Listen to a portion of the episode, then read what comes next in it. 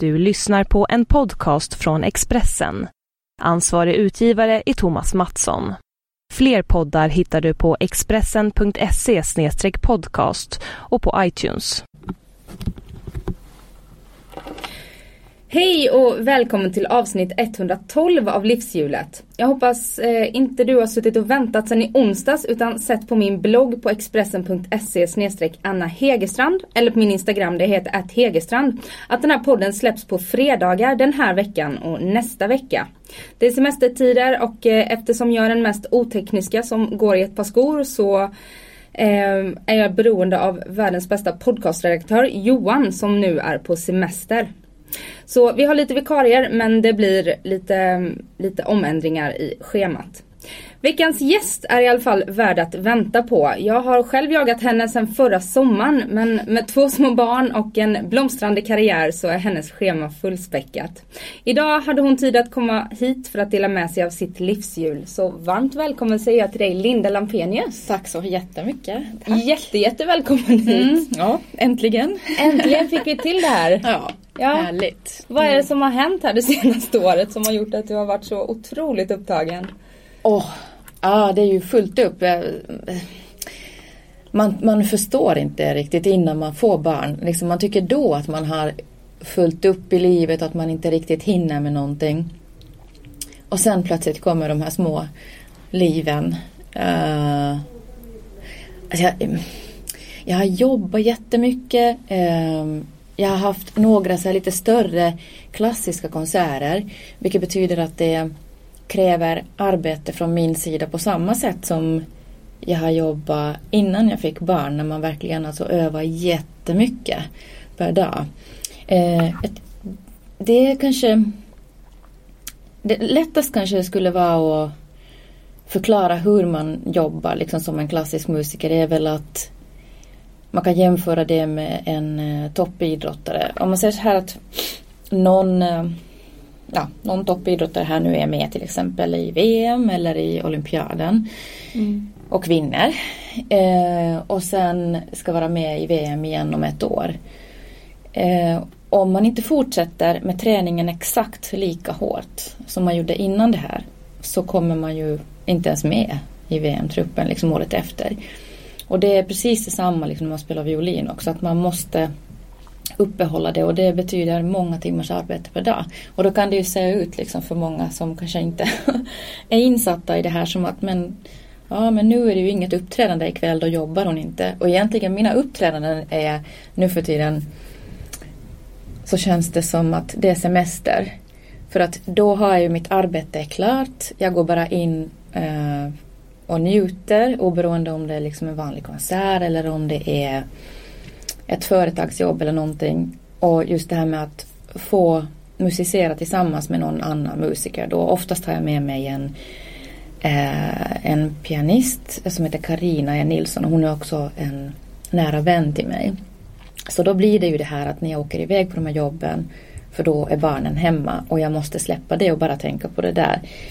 Eh, så får jag umgås med Karina mm. och, och sen får man bara gå in på scen liksom och njuta av um, Alltså det är ju klart att när man är på scen om jag nu säger att så den feedbacken som man får från publiken är ju det är underbart att känna uppskattning och man är väl ganska narcissistisk liksom som artist just på scenen. Sen kan det hända att man ofta kan man vara väldigt annorlunda liksom i privatlivet. Sen att man inte alls tycker om allt det här ståhejet. Jag är sån. Men mm. det kommer säkert kanske sådana frågor. Det kommer säkert om just om familj och, och livet i allmänhet. Så är jag väldigt annorlunda kanske än vad folk tror. Men just i ditt jobb. Mm. Eh, hur mycket övar du varje dag? Eller hur mycket Violinspelare? Ja, alltså nu hade jag faktiskt, jag hade en sån period just som vi pratar om det här året som har gått. Där jag spelade jättemånga timmar per dag. Eh, alltså det blev en 6-7 timmar per dag. Och sen utöver det så har man ju då med barnen allting. Och jag, jag vill, jag har verkligen velat vara tillsammans med mina barn när de är små. Eh, jag har själv när jag var liten så har jag Alltså mina föräldrar är ju det är på samma sätt lite som jag är nu mot mina barn, liksom att man har um, artistföräldrar. Um, och, um, men, men på den tiden var det väldigt annorlunda. De är skådespelare och har varit anställda på en och samma teater, Svenska Teatern i Helsingfors, hela livet. Och då är när man är fastanställd som det var förr, nu har det blivit mycket mer som att på Dramaten att man kan komma in som frilans. Så alltså man kan ju inte säga någonting utan då är det så här. Och så ges man sina roller som man gör och så måste man finnas varje morgon på repetitionerna och alla kvällar sex dagar i veckan är det föreställning. Och mamma var med i en eh, film från, jag var tre månader gammal när hon började spela in den. Så då den började jag vara med barnflickor och olika tanter som har skött mig. Och det känner jag nu senare i livet att det var inte riktigt kanske det bästa för mig. Och därför känner jag att jag det är så viktigt, liksom just första tiden med barnen, att ge dem den här Alltså en stark liksom kärlek och eh, trygghet. Eh, och sådana starka band liksom mellan barn, barnet och föräldern. Och det går liksom inte att ta igen um, senare. Och sen tror, sen tror jag inte på heller på det här som det Idag är det väldigt många föräldrar som är så, tänker bara på sin egna karriär, eller mest på sin egna karriär. Och så tycker de att eh, så tror de att kvalitet på något, något sätt liksom ska kunna väga upp det här med att kvantiteten Eh, i det här förhållandet barn-förälder fattas. Eh, jag tror att barnet bygger upp tryggheten genom att genom att eh, Alltså man, som förälder så behöver man kanske bara finnas där. Man är i hemmet, de vet att om det är något så behöver de bara ropa så finns mamma eller pappa där. Um, det tror jag ger ett starkare band mellan barnen än det här att man är mycket ifrån dem och de är med, med någon barnflicka eller olika barnflickor.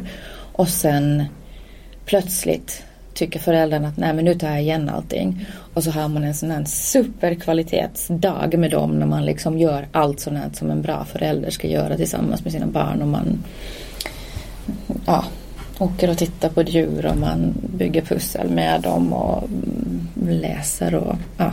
Nej, jag, jag tror inte på det. Nej, det vet man ju själv. Man kommer ihåg från sin egen barndom mm. att det man kommer ihåg starkast är de här vardagliga sakerna. Ja, precis. Inte när man åkte på Liseberg eller Nej. fick någon stor present. Mm. Men har du berättat för dina föräldrar eller har ni pratat om det? Att, att du upplever att din barndom inte Nej. är så bra? Nej. Eh, lever de idag? Ja, de lever. Fast pappa är väldigt gammal. Han är 93. Han är en riktig krutgubbe. Han är lika så, showare som han alltid har varit. Eh, mamma är 76, 77 var hon nu. Och 77. Eh, nej, det, det, är väldigt konstigt för att mina föräldrar är ju som sagt också då alltså artister, konstnärer och eh, riktiga alltså känslomänniskor. Eh, men eh, men vi har, hur ska jag säga, de har väl uttryckt det allt via sitt jobb på något sätt. Eftersom de har levt liksom nästan på teatern, både på dagen och kvällen.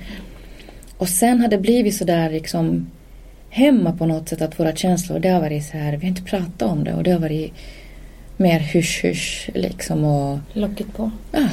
Man, om det är något problem inom familjen, men det ska man bara klara av liksom hemma och man ska absolut inte berätta för någon annan. Och,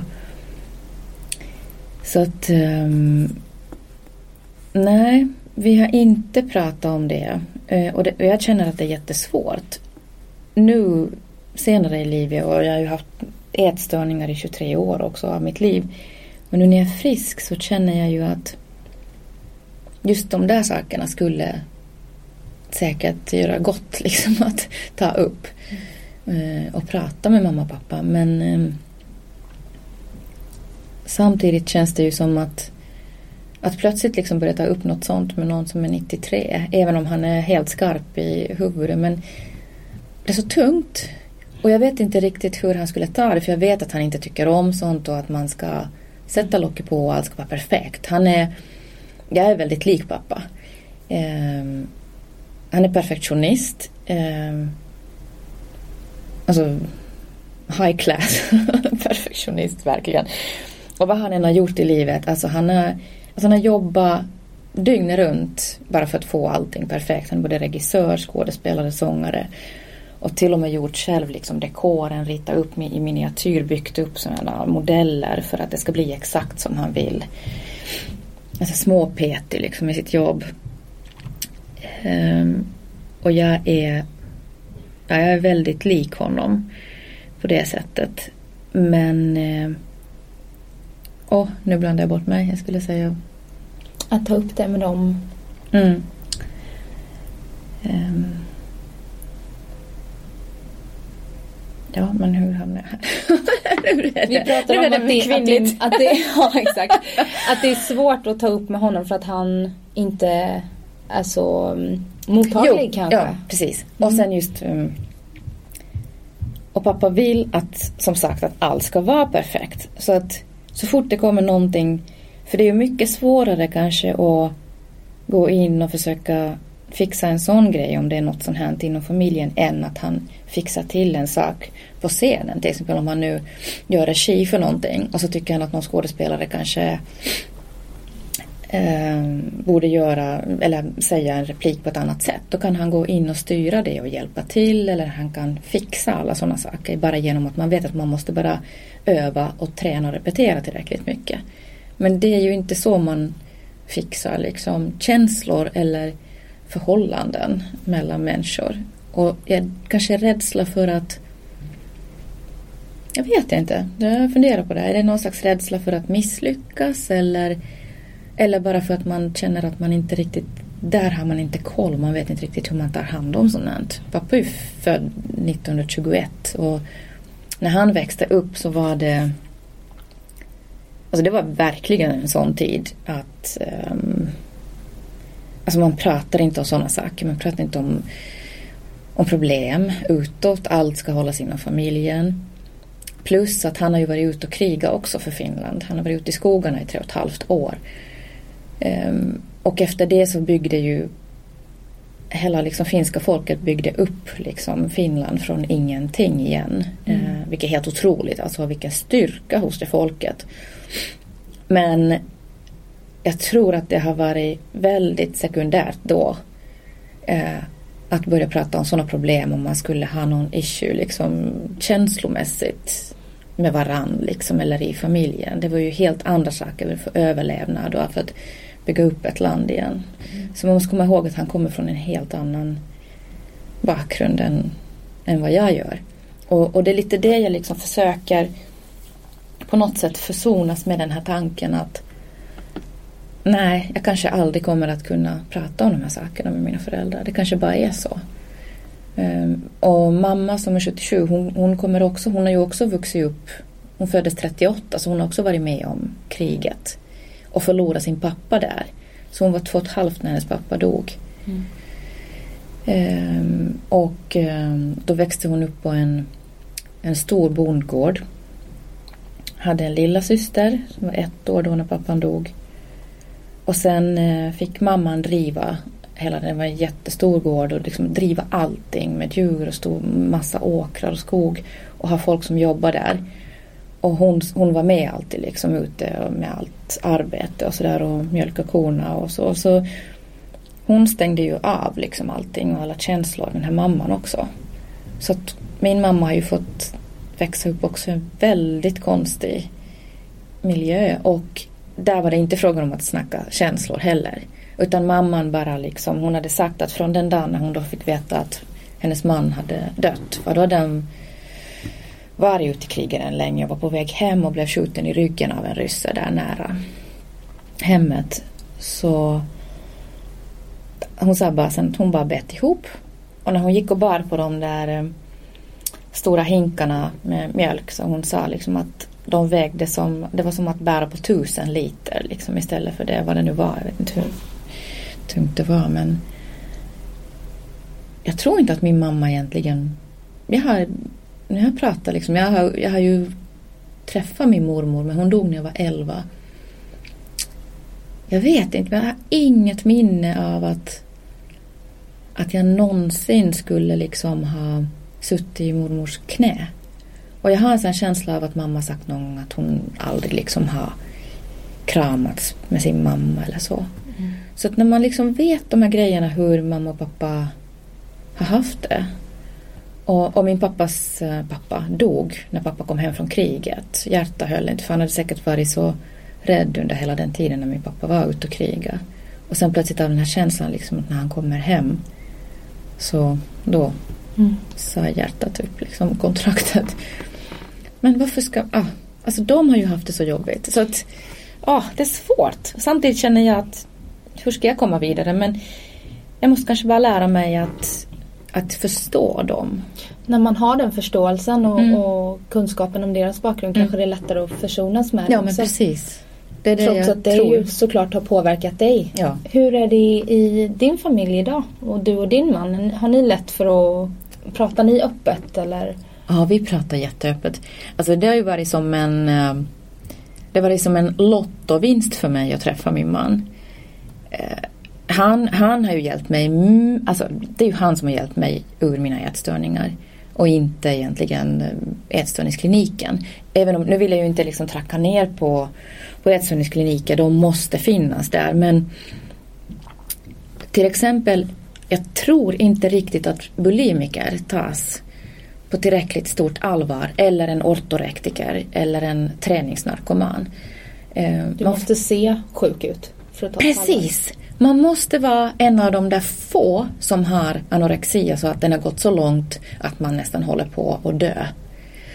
Eh, och av alla som har ätstörningar så det är jättefå som har, som har anorexia nervosa, liksom att det har gått så långt att man är sådär. Och det är egentligen bara de personerna som, om man skulle se någon som har långtgående anorexi liksom ute på gatan, andra som inte har ätstörningar, det är den enda personen som då reagerar över att oj, där går en, en person som har en ätstörning. När igen, jag har ju då haft alla de här, jag har haft anorexi, jag har haft ortorexi, träningsnarkomani och sen bulimi.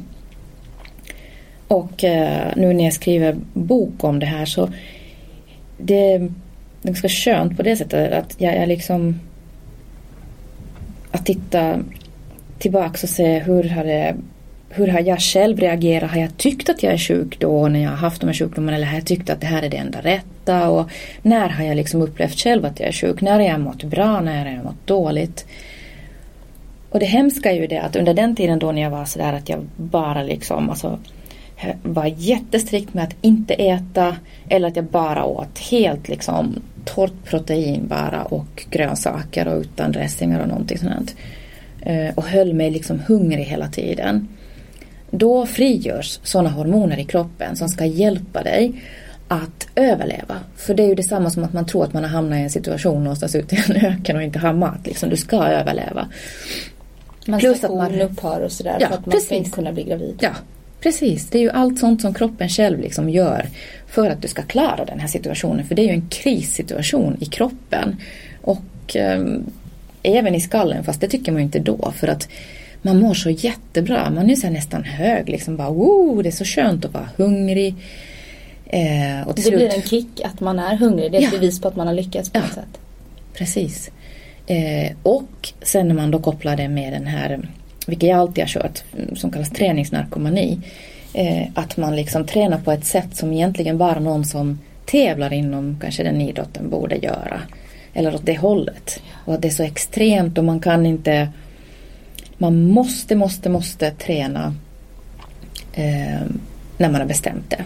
Om, om det skulle komma någon kompis då till exempel fast långa vägar ifrån och liksom säga ska vi ta en fika, ska vi ses? Nej, det går inte då när man är så det är bara så här, man är helt fokuserad bara på den här ena grejen. Det går först. Sen om det finns någon tid över. Men då fikar man ju inte heller utan så då sitter man ju och pratar och mm.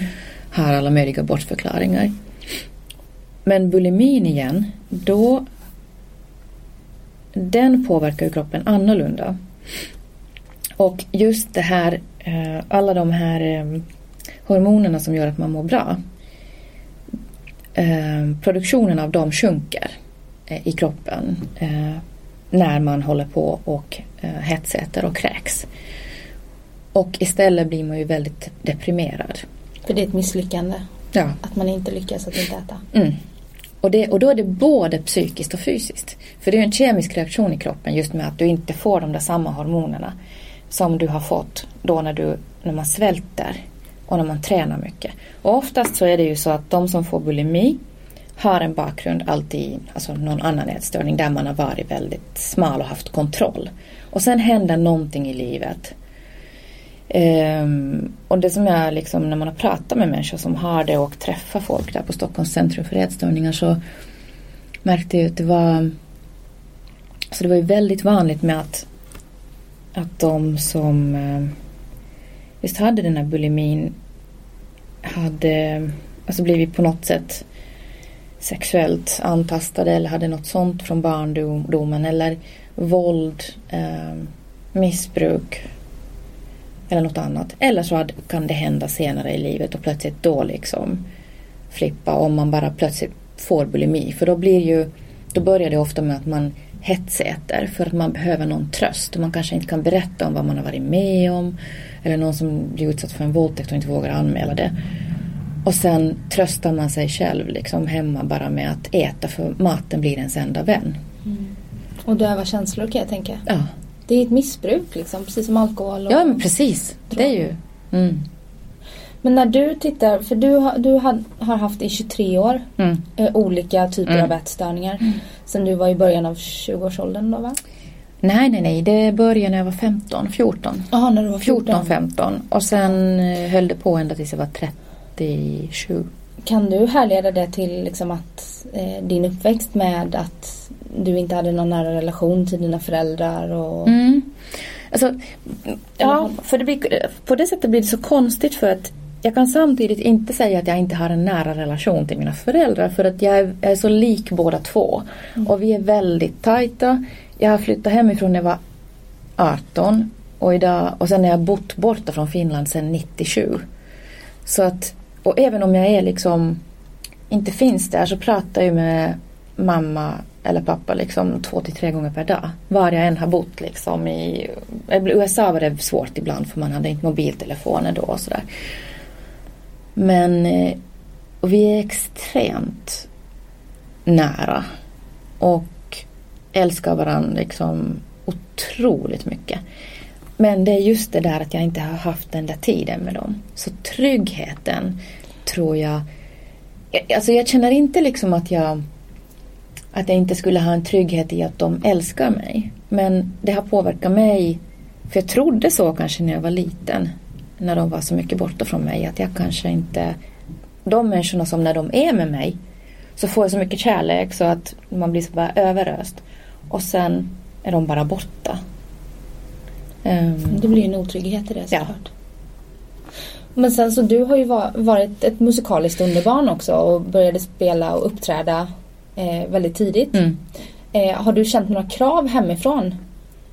Att du skulle bli någonting liksom. De var, de var skådespelare mm. och att du också skulle lyckas. Mm. Ja och nej.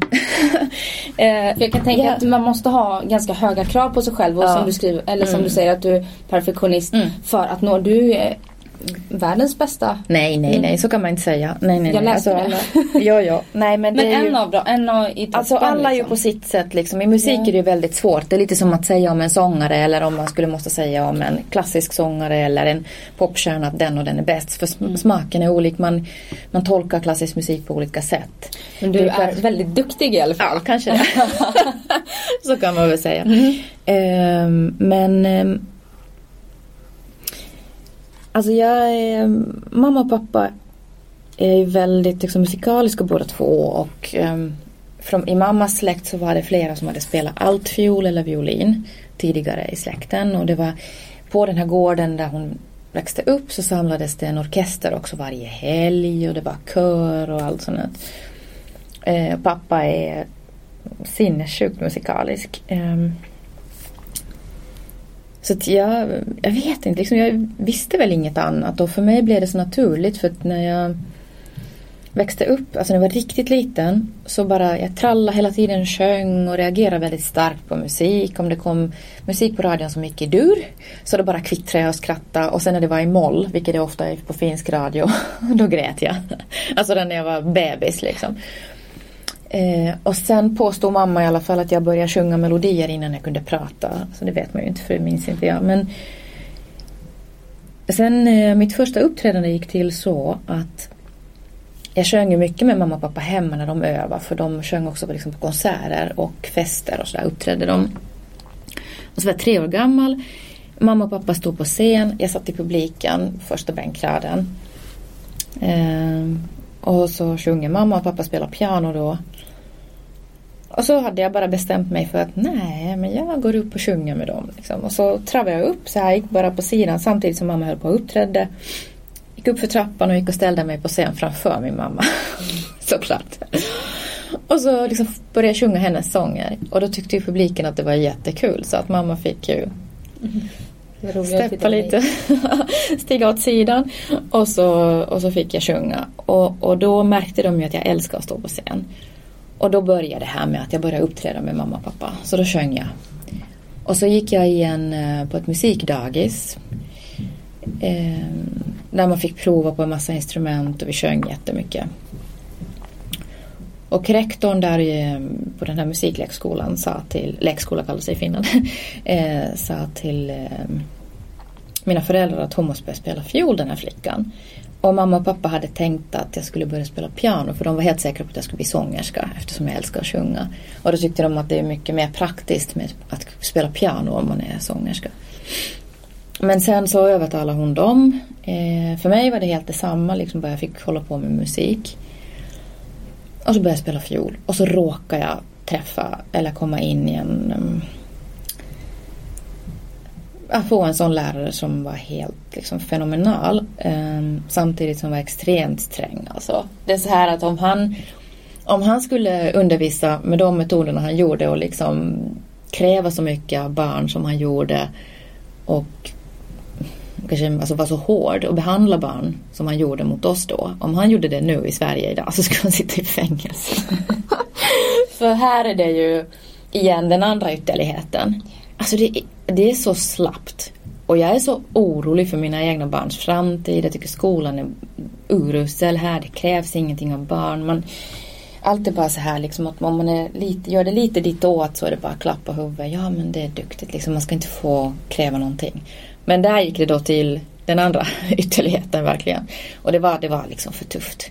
Alltså i synnerhet med kanske för sådana barn om man inte om man inte liksom har den bästa självkänslan och tryggheten inom sig så, och sen har du någon som liksom trackar ner på dig, bara hittar alla fel och bara säger att bara det perfekta duger. Men då var vi också jätteperfekta.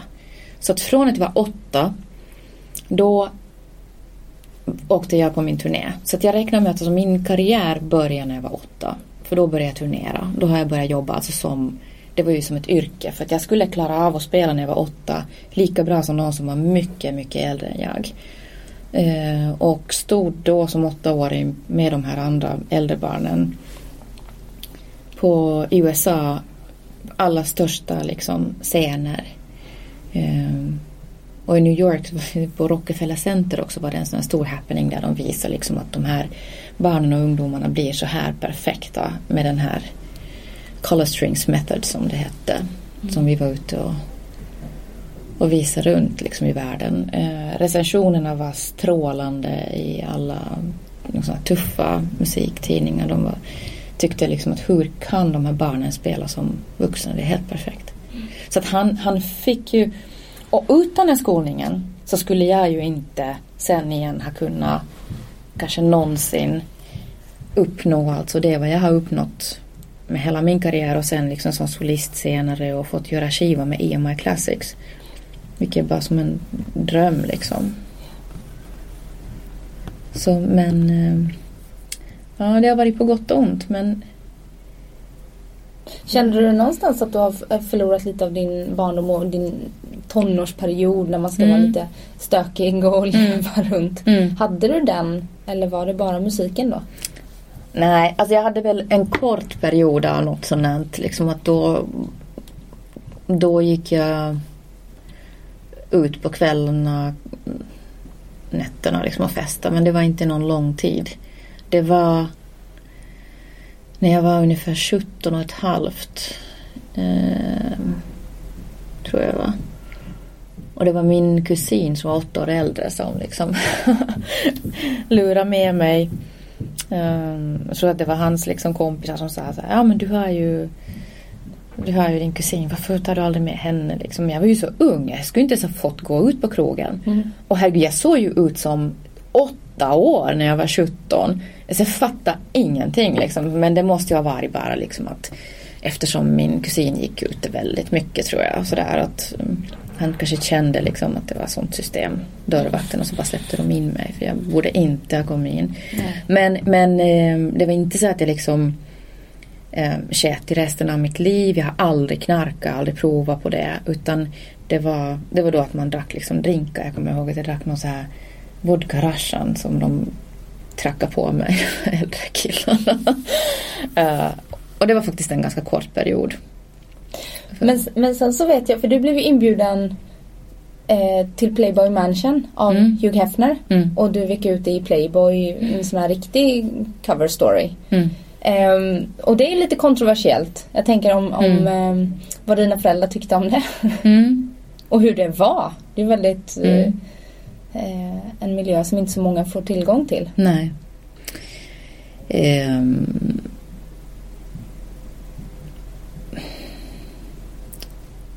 Alltså det, mm, hela den liksom historien och nu till exempel när de här tjejerna kommer ut som Holly och sånt om hur det skulle vara på Playboy Mansion och hur Hugh Hefner skulle ha behandlat dem. Alltså jag säger bara bullshit. Jag har varit där i två och ett halvt år.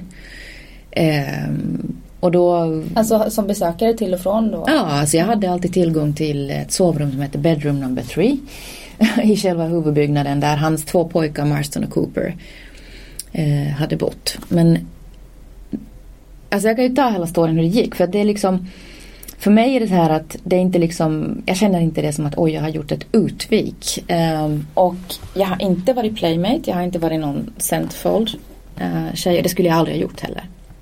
För om man är liksom en playmate eller någon slags centerfold så har de liksom det är helt annorlunda. Då är de ju inne i tidningen. Eh, om man inte, sen först liksom när man väljs till Playmates of the year så får du det här liksom ett omslag och så gör man. Eh, och då brukar de, då fick de väl mellan 10 000 och kanske 30, max 40 000 dollar om du blir Playmate of the year. Och det är ingenting för att visa sig naken. Och de här som är Playmate of the month, de får ju nästan ingenting. De, det är en ära att ha det, ja. tycker de. Mm.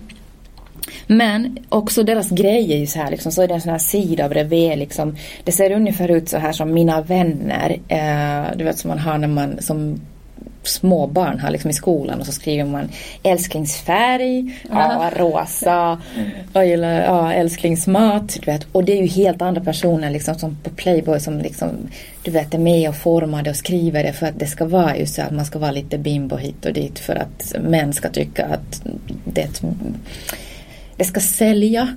Eh, och det, ja, det är som det är. Men det är en sån grej liksom som är helt uppbyggd på ett annat sätt. Men allt började med att jag hade kommit till LA. Eh, för att jag var bjuden på Oscarsgalan där på efterfesten och så. Och det var 97. Och så blev det ett jäkla ståhej. Där är folk liksom med media runt omkring mig. Ehm, och ehm, och då frågade jag så här, vem är du? Liksom bla bla bla. Så hörde de mig spela klassisk musik. Och så plötsligt var det en massa agenter och managers och allt som ryckte i mig. Och så var det bara någon vecka efter det så hade jag skrivit kontrakt med ett managementbolag. Jag hade ett förhållande i Finland då också som var väldigt destruktivt. Uh, han var inget kul alls som jag var tillsammans med. Så att det där blev ett sätt för mig att det kom som en räddning liksom från ovan att jag plötsligt fick de här erbjudandena från USA. Så det var mycket det som gjorde att jag stack så snabbt bara iväg från Finland. Så du vågade lämna honom då? Mm. Han kom till och med efter och letade efter mig i LA. Det är en annan historia men han var vidrig. Men han hittade inte mig.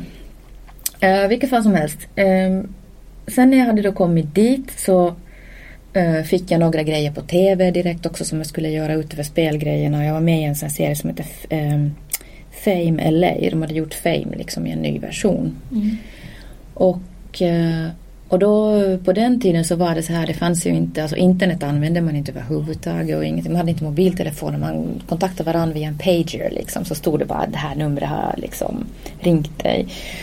Ja, jättekonstigt. Det är ändå inte så länge sedan liksom att hur tekniken har gått framåt. Men eh, man behövde headshot som man kallade det då. Och då var det alltid en svartvit bild med en sån här vit ram runt och så står namnet där nere under. Eh, så, ja, så tittade jag i en telefonkatalog för jag ville inte bli plåtad där när jag inte kände någon av någon man. Jag kände så här, jag kände mig inte bekväm, jag vet inte alls vad det är för typer och så. Mm. Och så råkade det sig bara så. Det var en kvinna som hette Alison Reynolds. Um, jag hade inte sett ens en bild på henne, ingenting, men det liksom verkar bra det så stod. Och så hade jag den här managern som jag hade fått där då, eller skrivit kontrakt med, så han ringde upp henne och bokade en tid. Och så plåtade jag med henne en hel dag. Det blev fantastiska bilder. Alltså de är...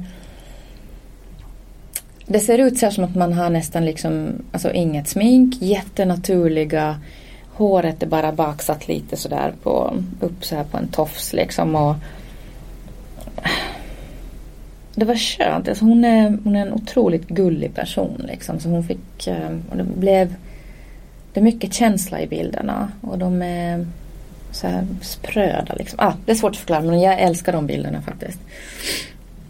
Men väldigt, väldigt, väldigt långt ifrån det som i dagens media eller på Instagram är en sån eh, selfie mm. på alla tjejer som ska vara så himla, de alla ser precis lika ut och så himla självsäkra och allting. Det här var liksom bara en väldigt skör flicka liksom.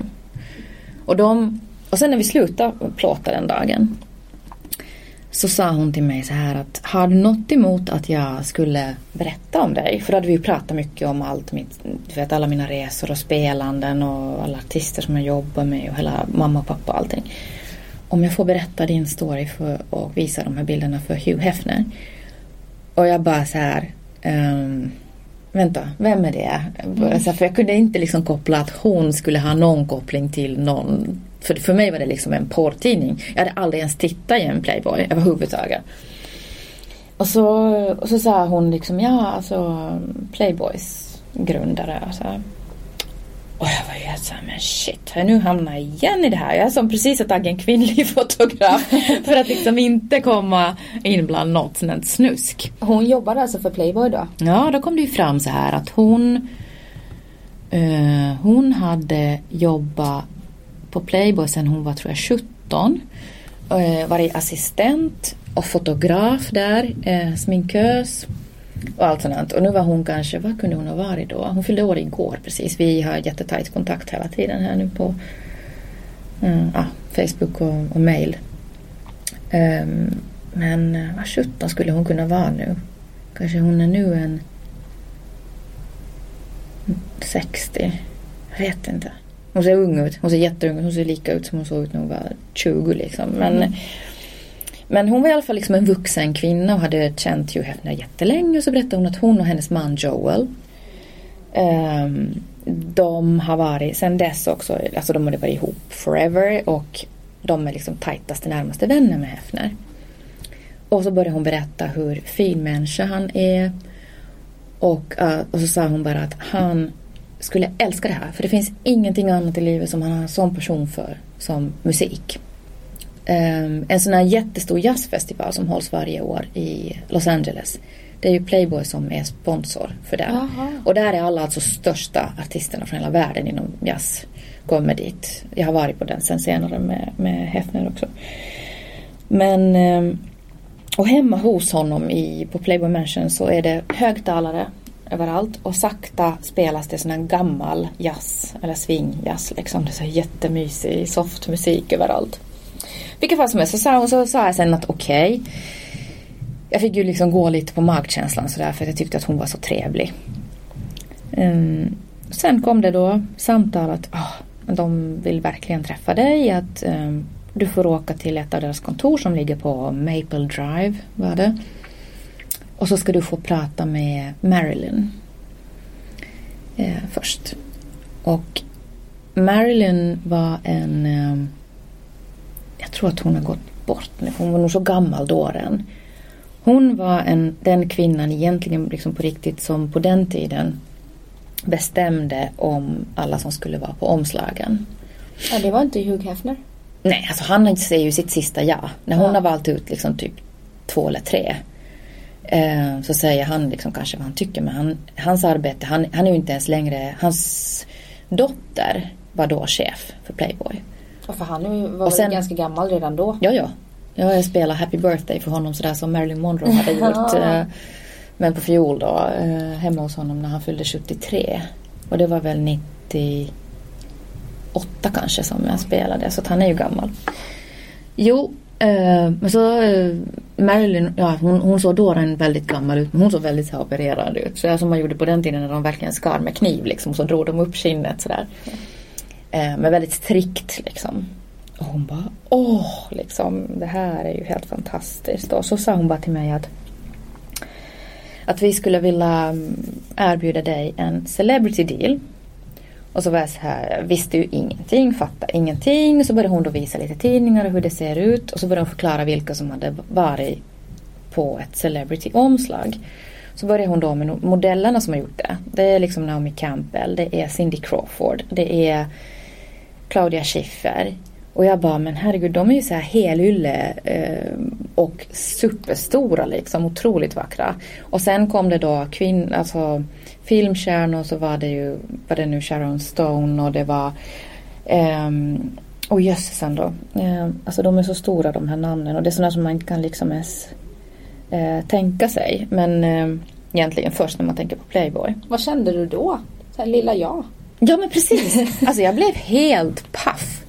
Och då är det frågan om jättemycket pengar också.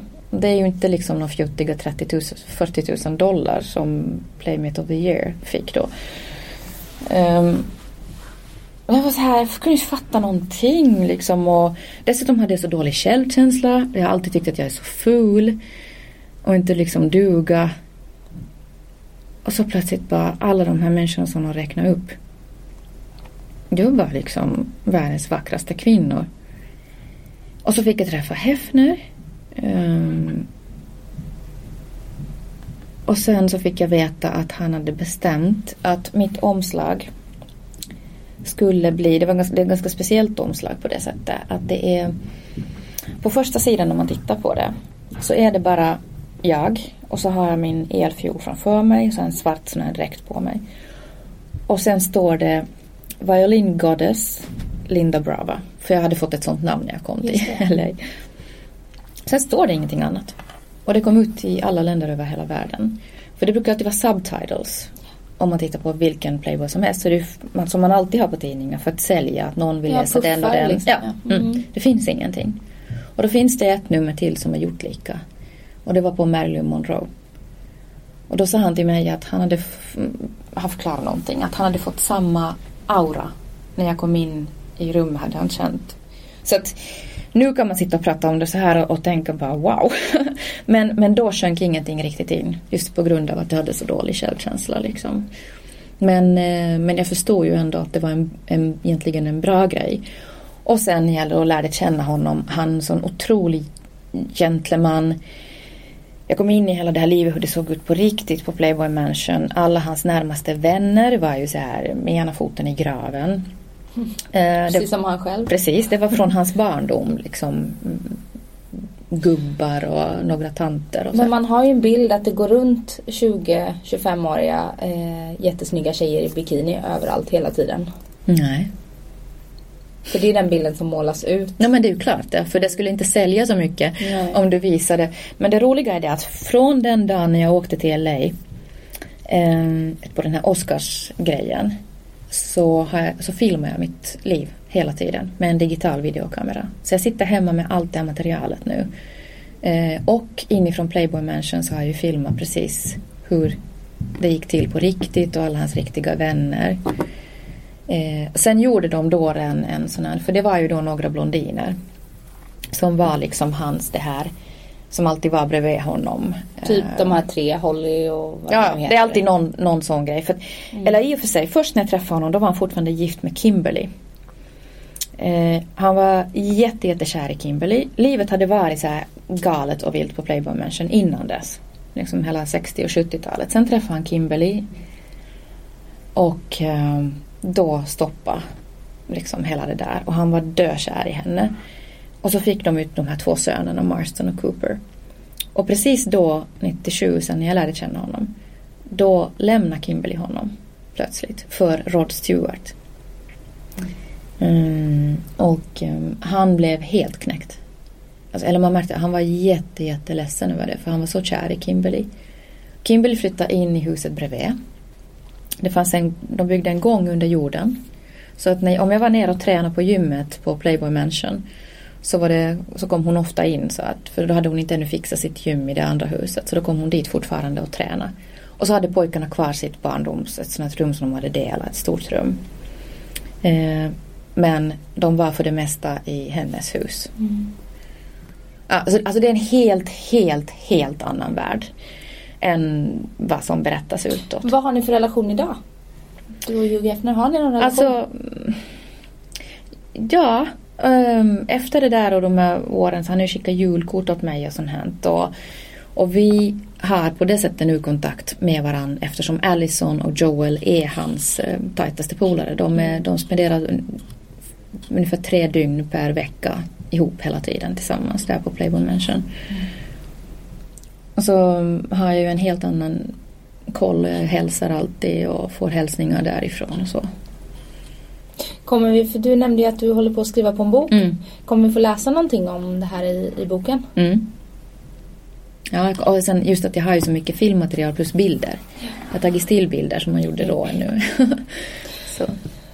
Och eh, vi pratade lite mer om din bok eh, innan vi slog på bandaren här. Mm. Ehm, för först var det tanken att det skulle vara en bok rent om dina ätstörningar. Ja. Men du kände att det blev för, för negativt. Mm. Alla böcker som handlar om ätstörningar och så här har ju en väldigt negativ klang. Mm. Men du ville visa dina två parallella liv. Mm. Kan du inte berätta lite om det? Just där när Mm. du eh, Mm. stod på, på Hamburger Börs.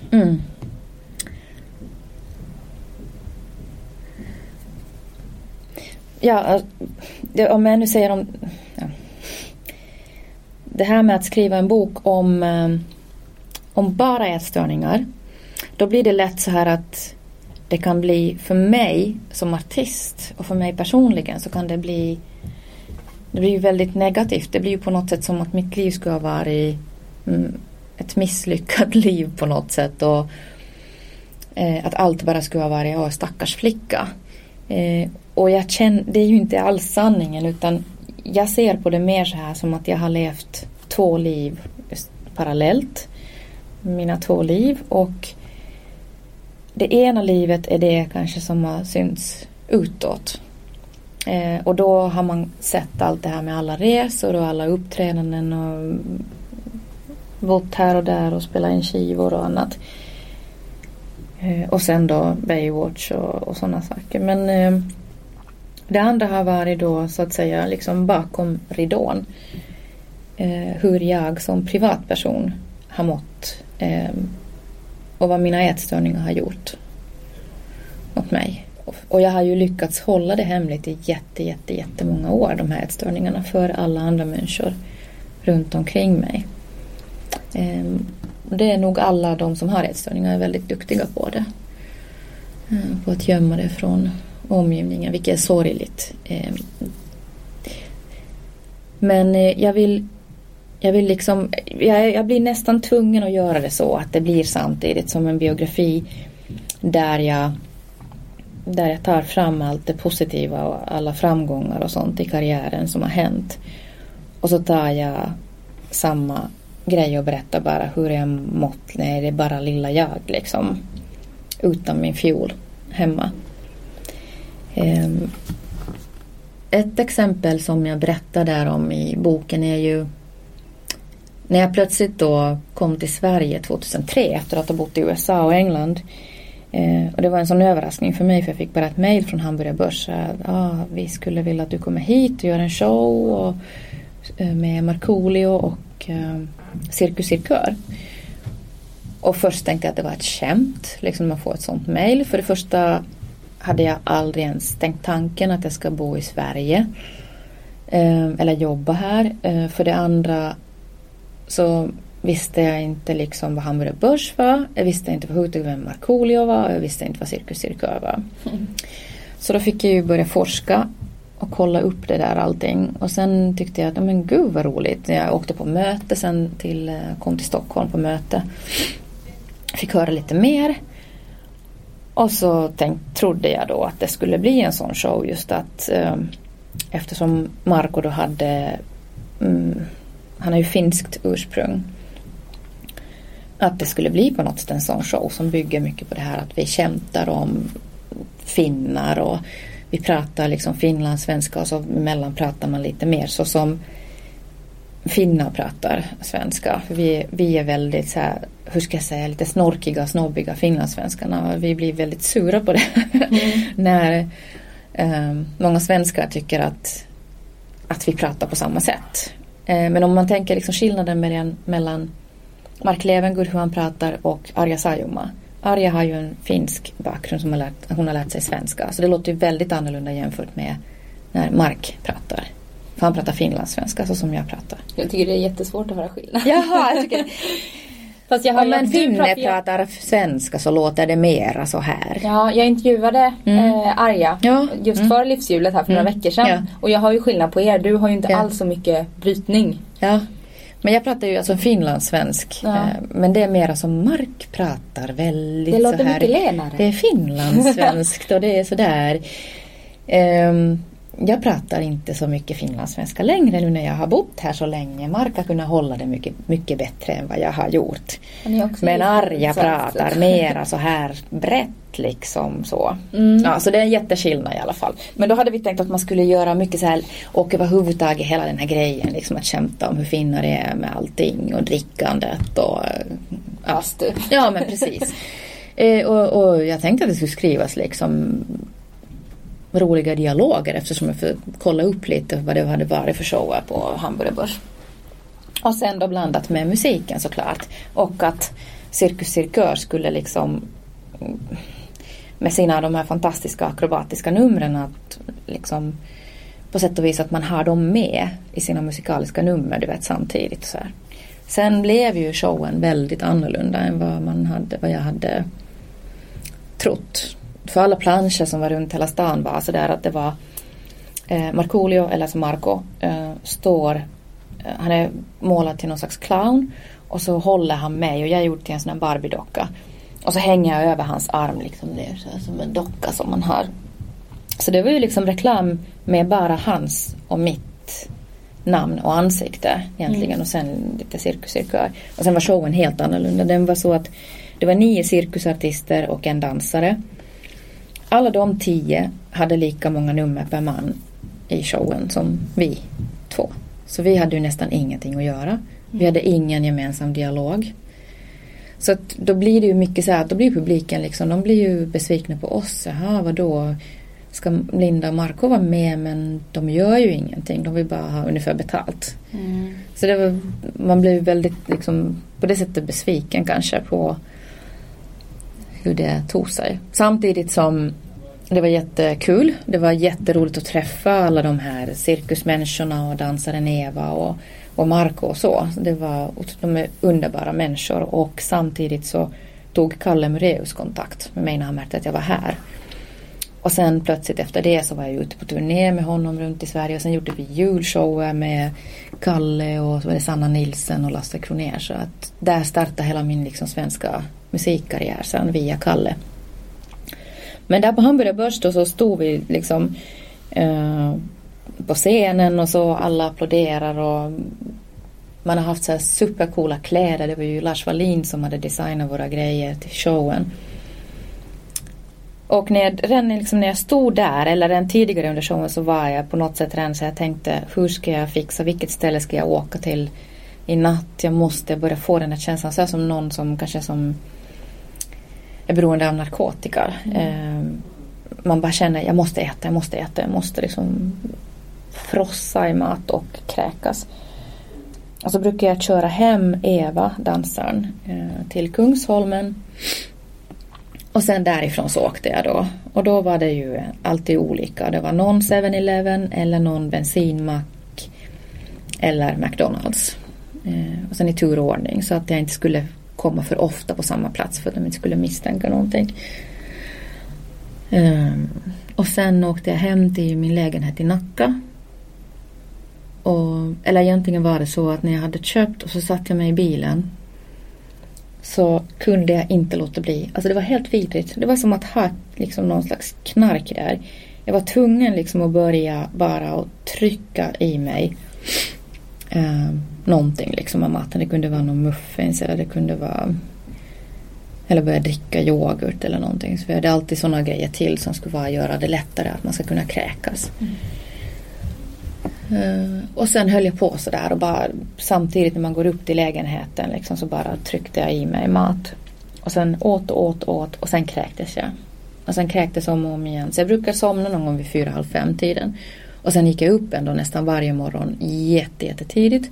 Och så åkte jag från Nacka och runt genom stan till, ehm, till Gärdet där jag tränar med en personlig tränare.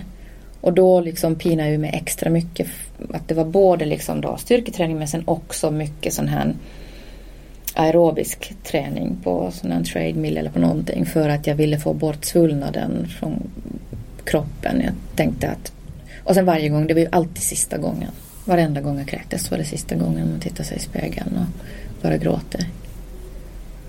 Men eh, ingen frågar mig någonsin någonting liksom. För du såg frisk ut? Ja, alltså eller? om man, det grejen är den att om man själv har varit bulimiker eller är det, då ser man sådana grejer. För jag var så fruktansvärt svullen. Eh, alltid under ögonen. Sen hade jag de här, eh, på slutet av 2006 när jag sen, det var sista året jag höll på sådär. Då kräktes jag upp till åtta gånger per dygn. Och då hade jag eh, de här spottkörtlarna i kinderna. Att man kunde ju känna, de blir ju väldigt svullna på sådana som, som kräks liksom här innanför kan man känna att man är så här jättesvullen och då har man så här runda kinder. Vilket gör att det blir bara värre för en som har ätstörningar för man tycker att man ser, för det är ju ansiktet som man ser när man tittar i spegeln. Och då tycker man att man är tjock för att man är så rund just i ansiktet och man är jättesvullen under ögonen. Eh, så att någon som har bulimi, man ser ju sånt. Sen såg man om man hade tittat på mig då så skulle man ha sett, för jag är högerhänt, eh, att här knogarna eh, vid eh, pekfingret och långfingret. Här var det ju så här förhårdnader. Från just när man har hållit på liksom och ska få upp maten. Och det brukar alltid synas. Eh, tänderna, jag har fått sätta på tre tänder här. Jag har fått sätta plast. Här, här och här. Mm. För att det eh, frätte så mycket. I övrigt har du har du, var du aldrig rädd liksom för vad det skulle kunna göra med din kropp? Har, det, har det, din kropp tagit stryk på annat sätt? Mage och sånt tänker jag. Ja, det var jag. Var, jag höll ju på hela tiden med allt möjligt och det var mycket vätskedrivande preparat just för att försöka få bort svullnad. Magen slutar ju funka, man blir mm, förstoppad vilket gör att man tar väldigt mycket så här laxeringsmedel vilket igen gör att tarmarna slutar funka liksom helt och hållet och så är man beroende av det där hela tiden. Och sen gjorde jag också det att jag köpte eh, alltså de är ju livsfarliga de här preparaten som man kunde köpa så här fettförbrännare eh, på nätet från andra länder. Jag hade ju haft ganska enkelt när jag bodde i USA och England. För det gick ju att få dem i alla butiker. Alltså, är det efedrin och sånt? Ja. Eller? Mm. ja. Och så tar man lite extra mycket av det. Eh, vilket gjorde att man flera gånger fick jag ju ligga på golvet alltså lägga mig när jag trodde att hjärta, alltså det slog så hårt så man kände det liksom mot bröstet så här framåt när det slog. Och så kändes det som att hjärtat bara skulle flyga ut genom munnen. Plus mycket adrenalin då. Ja. Och då just i sådana tillfällen, alltså bulimi är ju dödligt. På samma sätt som eh, plus att man psykiskt blir så deppig. Så det är ju många bulimiker som har tagit livet av sig också. Mm. Men det var du inte bara... funderade aldrig på att ta ditt eget liv? Jo. Um, jo, det har jag gjort. Um, vid flera tillfällen under just den tiden jag hade bulimi. Och jag har suttit med som det var liksom, ja, telefonböcker liksom och tittat på så här, och ringt runt i så här, psykmottagningar. Liksom att ni, jag måste komma dit nu, jag måste få träffa någon psykolog exakt nu för annars kommer jag ta liksom, livet av mig. Sånt.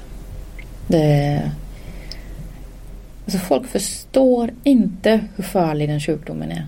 Bulimin är tusen gånger farligare än de här andra ätstörningarna. För där är det ändå att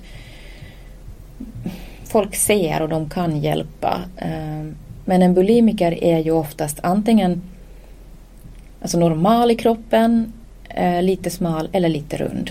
Men man ser bara väldigt normal ut. Man, ser aldrig, man är ju aldrig mager. Man är ju aldrig som en anorektiker när man har bulimi. Så folk reagerar inte på det. Nej. Plus att som du sa, jag har inte jag tänkt på men eh, ortorexi det frigör ju endorfiner ja. när du tränar. Mm. Anorexi får du också det här var det något hormon ja. eller? Mm. Ja, men bulimiker får ju inte det. Utan de blir, man blir på riktigt deprimerad. Så även om man inte skulle ha haft det liksom inom sig att man tidigare så påverkar det olika hormonnivåerna i kroppen så att balansen blir helt fel. Lika som också då salter och mineraler och allt sånt är fullständigt fel i kroppen. Som också kan på, påverka det här med kalium. Det kan ju påverka hjärtat just att det stannar. Mm.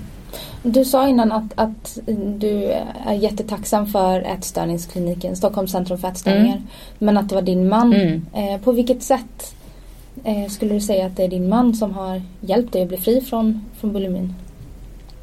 Han tog, eh, min man tog i det praktiska i mitt liv. Liksom, att göra förändring eh, på riktigt. För att eh, på ätstörningskliniken då ansåg man ju att eftersom jag såg bra, liksom normal ut och frisk och så här så var jag ju inte i den där riskzonen att de stänger in mig liksom där, vilket jag egentligen, jag borde ha fått hjälp hela tiden, handledning. Eh, och då fick jag istället gå på i en eh, lunchgrupp. Men det var så här en gång per vecka så går man och äter med andra som har ätstörningar. Det var jättejobbigt att göra det liksom. Just den grejen var bra men jag borde haft det vid varje måltid. Eh, och då gick vi tillsammans till, något, till en restaurang där nära ätstörningskliniken. Och så var det enligt tallriksmodellen som de alltid liksom visat oss. Så här ser den ut, så här mycket kolhydrater, så här mycket protein och så här mycket grönt. Um, och så fick man då på det där stället så fick man välja beroende på vad de hade för kolhydrater. De hade oftast alltså att det var ris, potatis eller potatis och pasta och sen då någon kyckling, fisk eller kött. Och så skulle man välja vilken man då tog. Eh, och om man tog potatisar, jag kommer inte ihåg om det var så att om de var små så måste man ta minst jag minns inte om det var tre eller fyra stycken som små. Och större så var det minst två, men gärna mer liksom. Eh, så man hade en minimimängd och sen satt alla sådär bara, man bara såg på alla när vi satt vid det långa bordet hur man var såhär. ingen liksom ville äta. För någon hade skräck för kolhydrater, någon hade skräck för att överhuvudtaget sätta en smula i munnen. Ehm, sen var det då, vid det stadiet hade jag ju bulimi. För mig var det just det här att, men om jag äter det här, antingen måste jag äta liksom mycket, mycket, mycket mer, för jag vill gå och kräkas sen och jag måste få i mig massor för att jag ska kunna få upp det igen. Och, mm. Eller som bulimiker kan man ju köra också det här att man inte äter någonting. Att man bara, då kör man liksom absolut ingenting. Det finns inget normalt och man har inte en normal känsla för hunger eller mättnad heller. Ja, så satt vi alla där och mådde dåligt och sen fick vi gå tillbaka till ätstörningskliniken. Man skulle inte gå på toa utan man skulle, för då var det, skulle folk ha gått och kräkt. Utan vi gick in i ett rum och så fick vi sitta där jättelänge. Och så pratade man i tur och ordning och berättade om precis hur det kändes. Eh, som att man kände så att nu rinner den här maten eller fettet ner just här. Man kunde liksom se det i sig själv och oh, nu går det ut här på sidan, liksom i höfterna. Eh, det är så man tänker när man är ätstörd. Det är helt otroligt att man kan... Alltså man får så konstiga liksom bilder framför sig. Um, men det var jätteskönt att märka att man inte är den enda. Utan att alla hade de här samma konstiga tankarna. Vadå, känner du också så? Liksom, och, Var det 2006 du gick den här? ja, jag började där på hösten. Så det var ett par år innan du träffade Nej, Martin? jag träffade honom då bara ett par månader efter att jag hade börjat gå där. Just det, så gifte ni er 2008? Ja. Så var det? Ja. Mm. Men när jag träffade honom, då visste han om allt det här eftersom på sommaren 2006 var jag inne på sjukhus tre gånger för att jag hade kräkt sönder så mycket i magen och allting av bulimin. Ehm, och där på sjukhuset berättade jag första gången om det här med att jag kräks. Eh, att det är det, för jag kom in för svåra magsmärtor och de kunde inte komma på vad det var. Och sen då tredje gången när jag kom in så då var det en läkare som tog det på allvar och sa att men bulimi, det är det du har liksom, att det är jätteallvarligt. Du måste, jag skriver en remiss åt dig till Stockholms centrum för ätstörningar. Eh, och du måste få träffa en psykolog nu. För han märkte att jag var så deppig. Jag kände att jag orkar inte längre. Ehm, och just det, jag skulle komma till Martin. Ehm, men så jag hade bara gått där ett par månader och så träffade jag då Martin. Och på sjukhuset hade jag berättat för min väninna Karina som jag spelar med, pianisten, att jag kräktes. Det var ingen annan som visste? Nej, ingen annan visste om att jag kräktes. Och jag hade ju haft pojkvänner också men inte, jag tror inte de hade misstänkt någonting heller. Man är så skicklig. Eh, Ja, jag tänkte, för var det 2006 du var med i Let's Dance? Nej, 2000, 2008. Det var 2008. Mm. Ehm, så Martin visste om det här, hade hört det av Karinas dåvarande sambo eh, Johan. Nej, vad säger jag? Karinas dåvarande sambo eh, som hette Björn. Och de var båda alltså jobbade på samma eh, advokatbyrå. Och så hade han berättat för Martin, för Martin hade någon gång frågat sådär att ja men Linda, eller Karina jobbar ju med Linda, kan jag inte få träffa henne någon gång? Eftersom han hade sett mig han hade sett mig på TV när jag uppträdde på Öland på kronprinsessans bröllop och sen hade han sett mig i Globen någon gång när jag hade uppträtt när han varit, varit där liksom. Och jag hade sett Martin faktiskt på TV också i någon Uppdrag granskning eller någonting. När han hade varit som advokat och vi båda hade tänkt sådär, men gud varför träffar man aldrig en sån där typ? eh, och sen ehm, men sen eh, så ordnade faktiskt den här Karina och Björn så att vi fick det blev lite som en blind date fast Karina och Björn var med också. Och sen från det datumet när vi sågs första gången då så räknar vi att det är det dag, den dagen firar vi. Vi firar liksom inte bröllopsdag och inte förlovning men vi firar det 8 december. För det var då vi blev ihop. Och så, började, och så sa Martin åt mig då första natten när vi satt och pratade ända till fem på morgonen. Så sa han till mig bara att eh, plötsligt, jag visste inte att han visste först, men så sa han att jag vet allt om din sjukdom, jag vet att du mår jättedåligt. Eh, och att du behöver inte låtsas som att allt är jättebra. Alltså jag fick sån panik. Jag fick sån panik. Jag kände bara så här. Herregud, jag måste fly. Du vet att någon människa plötsligt vet min hemlighet som jag lyckats hålla så hemlig. Eh, och sen var det så här, eller så måste jag plötsligt berätta allt. Det var liksom antingen eller. Och så bestämde jag mig sen att jag berättar allt för då jag gillar honom jättemycket. Och sen började han hjälpa mig. Och han är så himla praktisk, vi är jätteolika på det sättet. Jag är så här flummig konstnärstyp. Och han är han är stenbock i horoskop, jag är fisk. Det är precis som man säger hur man är då liksom om man ska tro på horoskop. Mm. Ehm, och så började han bara liksom ordna upp mitt liv. Och ehm, flytta in hos mig jättesnabbt. Och sen varje frukost ehm, så åt vi ihop. Och så pratade han om allt möjligt annat. Så att han liksom avdramatiserade allt det här med maten. Och han la upp liksom vad som är normalt för mig. Vid lunchen så brukar han ringa om det nu inte var så att han absolut inte kunde. Men då ringde han från sitt jobb till mig. Så att, och så frågade han kanske något. Liksom, Jaha, vad har du ätit? Eller äter du lunch? Jag äter. Och sen pratade han igenom annat. Så att det blir en normal sak. Att det inte är något så här jättemycket känslor liksom, kring det här med att då man ska äta. Och så vid middag så var han ju hemma igen. Men att han höll det här liksom att varje dag eh, att han fanns där för mig vid de stunderna när jag skulle äta. Så lyckades jag liksom på några månader. Det blev liksom färre och färre tillfällen hela tiden som jag kräktes. Han visste om när du gjorde det? Eller Ja, ja, jag, jag dölja började det? säga till honom liksom att jag har haft ett bakslag. Först vågade jag kanske inte men sen sa jag det. För jag, måste, jag var tvungen att vara liksom öppen och ärlig mot honom. Och då sa han, men det är ingen fara. Och det var ju det som var så bra. Han sa, det är ingen fara. Det hör till. I alla de här processerna liksom om man ska gå från något missbruk. Alltså man... Det kommer ju återfall. Men du ska få se, de återfallen kommer mer och mer sällan. Och så byggde jag på något sätt, jag tänkte så här framåt. Jag tänkte mig en, eh, en stege som gick uppåt så här mot himlen. Och i början Um, så var det liksom trappsteg lite närmare varandra så blev det längre och längre mellanrum. Och sen till slut så fanns det ingenting och sen bara kunde jag flyga och då var jag frisk. Um, det var så skönt att höra just det här med att Ja men vad bra. Om du har fått ditt återfall nu, då vet du att du är på väg mot det bättre och nu kommer det vara längre tid igen till nästa återfall. Och då de där skuldkänslorna, eller den där känslan av att Fan, jag misslyckades igen. Och det är ju den känslan man har. Man är ju så otroligt misslyckad när man har bulimi. Varje gång man igen gör det så känner man sig som en världens sämsta människa och så sjunker ens självkänsla ännu mer. Liksom. Så det var liksom de grejerna som han hjälpte mig med. Och jag tror att det fokuseras alldeles för mycket på det här med, alltså när, man, när det kommer in någon, en ny patient med någon ätstörning så är det så mycket med det här Oj, men nu ska vi direkt börja behandla, för jag fick ju också en psykolog, men det hjälpte ju inte mig någonting liksom i början. För de samtalen, jo man kan ju prata om saker som man tycker att är jobbiga i livet och, eller tänka bakåt om det finns något som man tror att skulle kunna vara orsaken till de här ätstörningarna eller man kan prata om hur man ska tänka just nu liksom.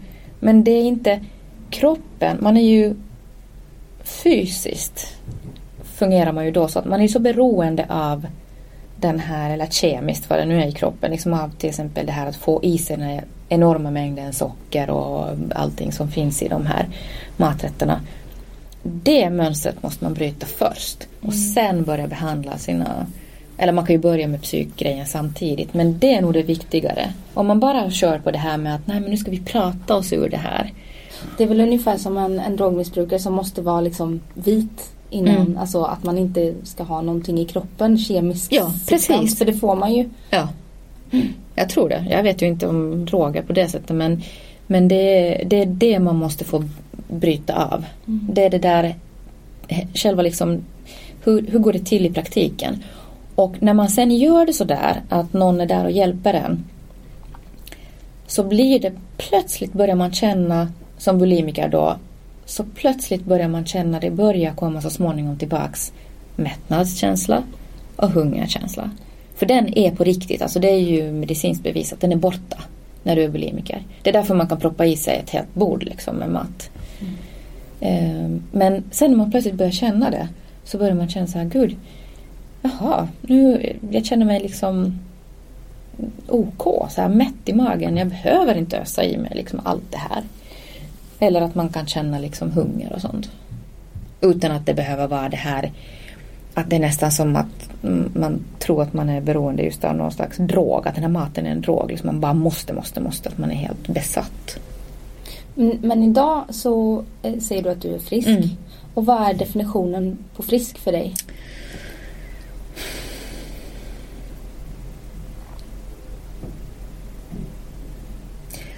Om jag jämför mitt liksom, tillstånd som jag kallar frisk med många andra som jag pratar med som var där på ätstörningskliniken så um, för mig eh, är det liksom jag känner att jag är fullständigt frisk när det kommer till biten med mat. Jag är Alltså jag känner, jag har gått tillbaks nu till det som jag kände innan jag blev bulimiker. Att jag blir äcklad av känslan att överhuvudtaget kunna sätta fingrarna i halsen. Alltså bara att kräkas. Jag tycker det är så obehagligt. Hur kan någon göra det? Jag kan bli så här nästan, alltså att jag kan förstå sådana människor som inte har haft en sjukdom eller inte har det. Att de kan bli så här, men sluta, gör inte sådär. Liksom bara äckligt. Men det går ju inte då när man är sjuk. Eh, Men jag har nästan börjat få sådana tankar eh, och sådana känslor om allt det där. Det är så himla långt borta någonstans. Jag skulle aldrig, aldrig kunna göra det nu. Ehm, jag kan äta vad som helst. Jag äter allt. Um, förutom att jag inte gillar, um, vad heter det nu, uh, seafood. Jag tycker bara det smakar illa. Så ja. det, det äter jag inte men det var för att jag inte tycker om det. Men just tankar i huvudet och tankar ja. på din egen kropp. Mm. Liksom, är det viktigt för dig att vara eh, i, i, bra form och sådär? För det blir också väldigt mm. viktigt. Mm. För mig har det varit det att på det sättet har det varit lite motsatt eh, grej nu efteråt. Att nu när jag äter allt så tror jag att jag har mycket snabbare ämnesomsättning. Mm. Och jag har problem med att gå upp i vikt nu istället. Det är inte så att även om jag äter ganska mycket pasta och bullar och allt möjligt, jag går inte upp i vikt. Det är, jätte, alltså det är nästan jobbigt åt det hållet nu för jag skulle gärna ta några kilo kanske till. Och det, för det är inget kul liksom att, att vara för mager heller när man blir äldre. Tänker du att folk också tänker att oj vad smal hon är, hon ja, är fortfarande sjuk? Jag fick ju sådana reaktioner båda gångerna nu när, eh, när jag fått barn. För att jag har gått jätte, jätte, jättesnabbt ner i vikt efter att jag fick barnen. Eh, amningen, alltså det kändes... Eh, jag, första barnet ammade jag bara fem månader. Hon ville inte ens ha sen längre. Och andra barnet ammade jag i ett år. Och sen bröt jag. För jag sa att nu, jag fixar inte det här mer. Alltså jag såg ut, vet jag var som ett benrangel. Och det, det kändes som att allt som jag åt, liksom man bara så här, det var som att det går in här och så går det ut här eh, genom bröstet till barnet. Liksom all energi gick dit. Det var så jättemager. Eh, efter, då efter första barnet när jag hade amma då, då var jag domare i Finland i X-Factor, tv-program. Och herregud när jag tittar på de bilderna därifrån och liksom det materialet TV, alltså på själva programmet när jag tittar efteråt.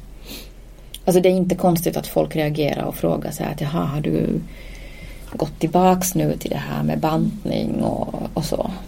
Men eh, du har ju din Martin där hemma som håller koll också va? Jo, absolut. Kan du känna nu att det påverkar efter att, att han kan vara misstänksam eller? Nej. Han, han, eh, han har frågat det en enda gång. Han frågade så här, men du har väl inte liksom börjat tänka nu att du börjar banta? Och det var efter första barnet just när jag rasade så mycket i vikt. Eh, så snabbt. Men min mamma gjorde precis lika. Den här filmen som hon var med i när jag var bebis, alltså jag var tre månader när hon började filma den. Och den handlar om första världskriget. Och de skulle vara ju så här väldigt liksom magra och fattiga och hon gick med så här duk på huvudet och grå kläder. Men, alltså hon ser så mager ut. Hon ser ut så som jag bara. Uh, liksom, bara ihåligheter överallt liksom. Kinderna går inåt och. Så att eh, jag kan ju se precis varifrån det kommer. Eftersom hon blev precis likadan Eh, då. Mm. Med mig.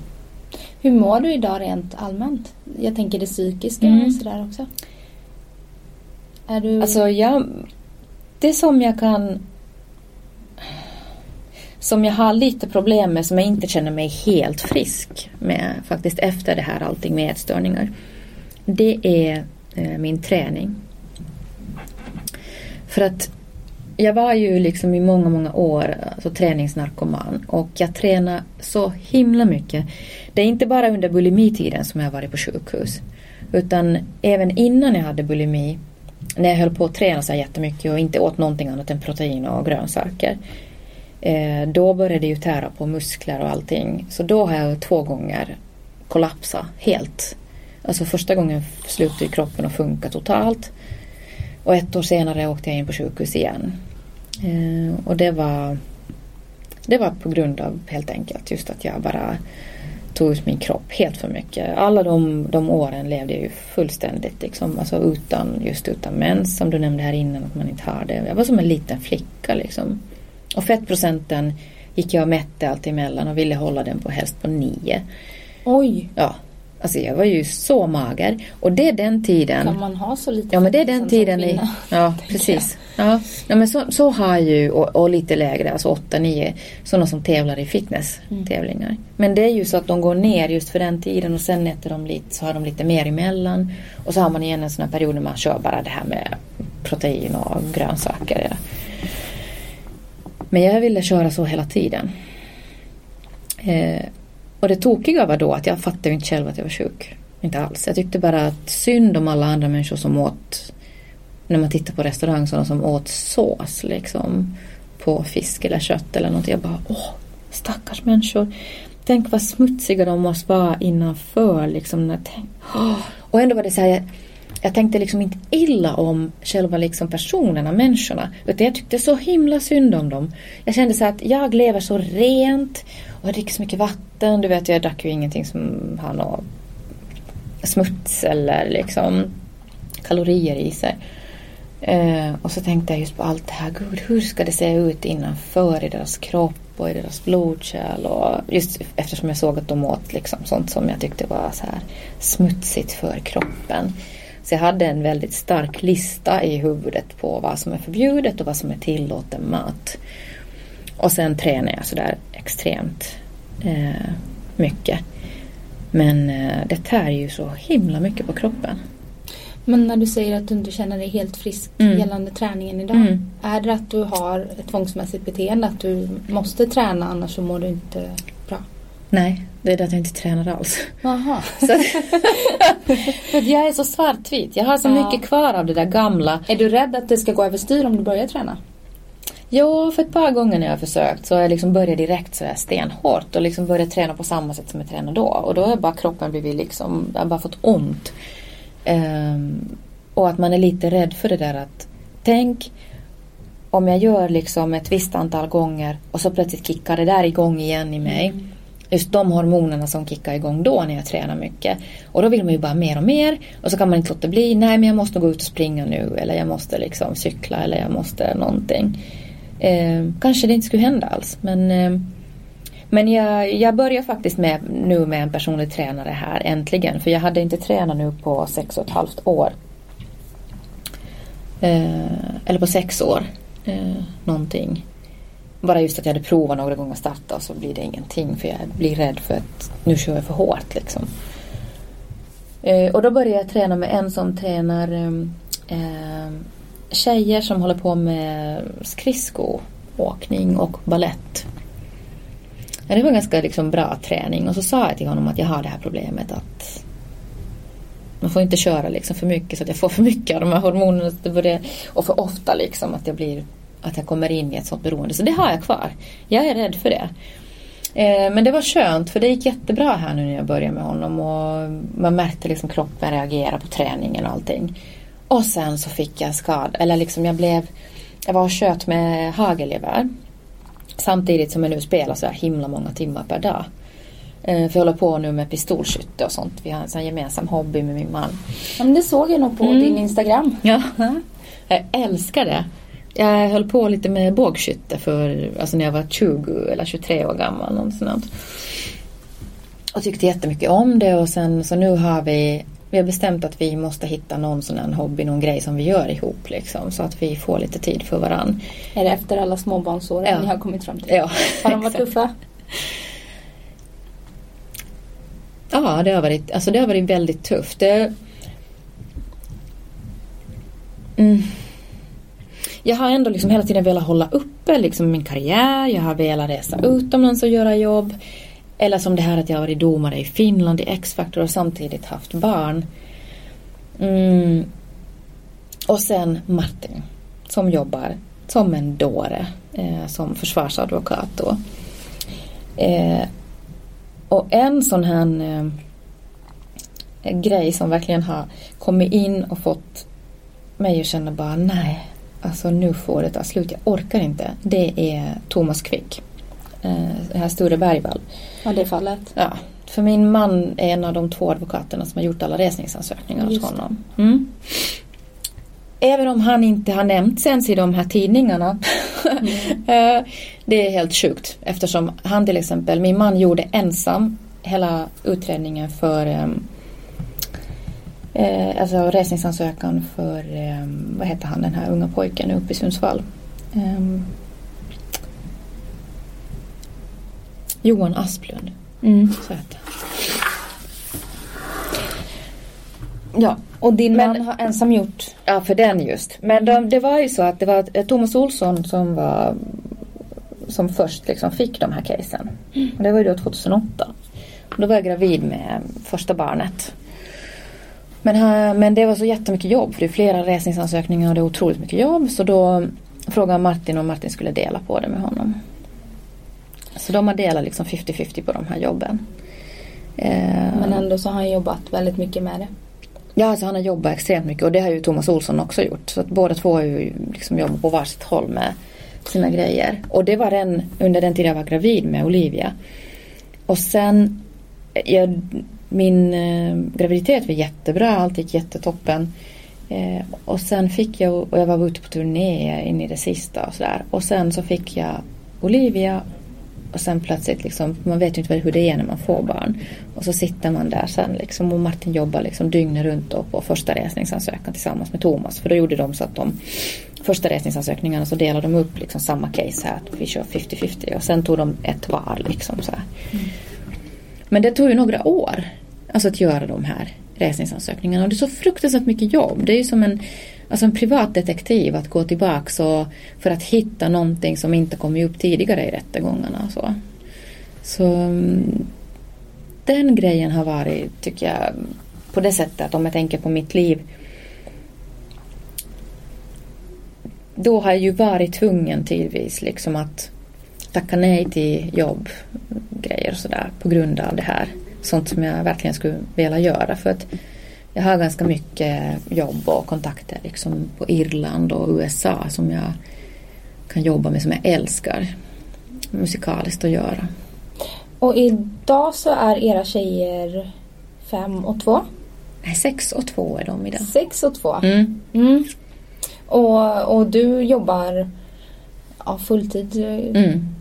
Men då har, har du eh, minstingen också på dagis då eller hur? Ja, hon började på dagis från att hon var, fyllde ett.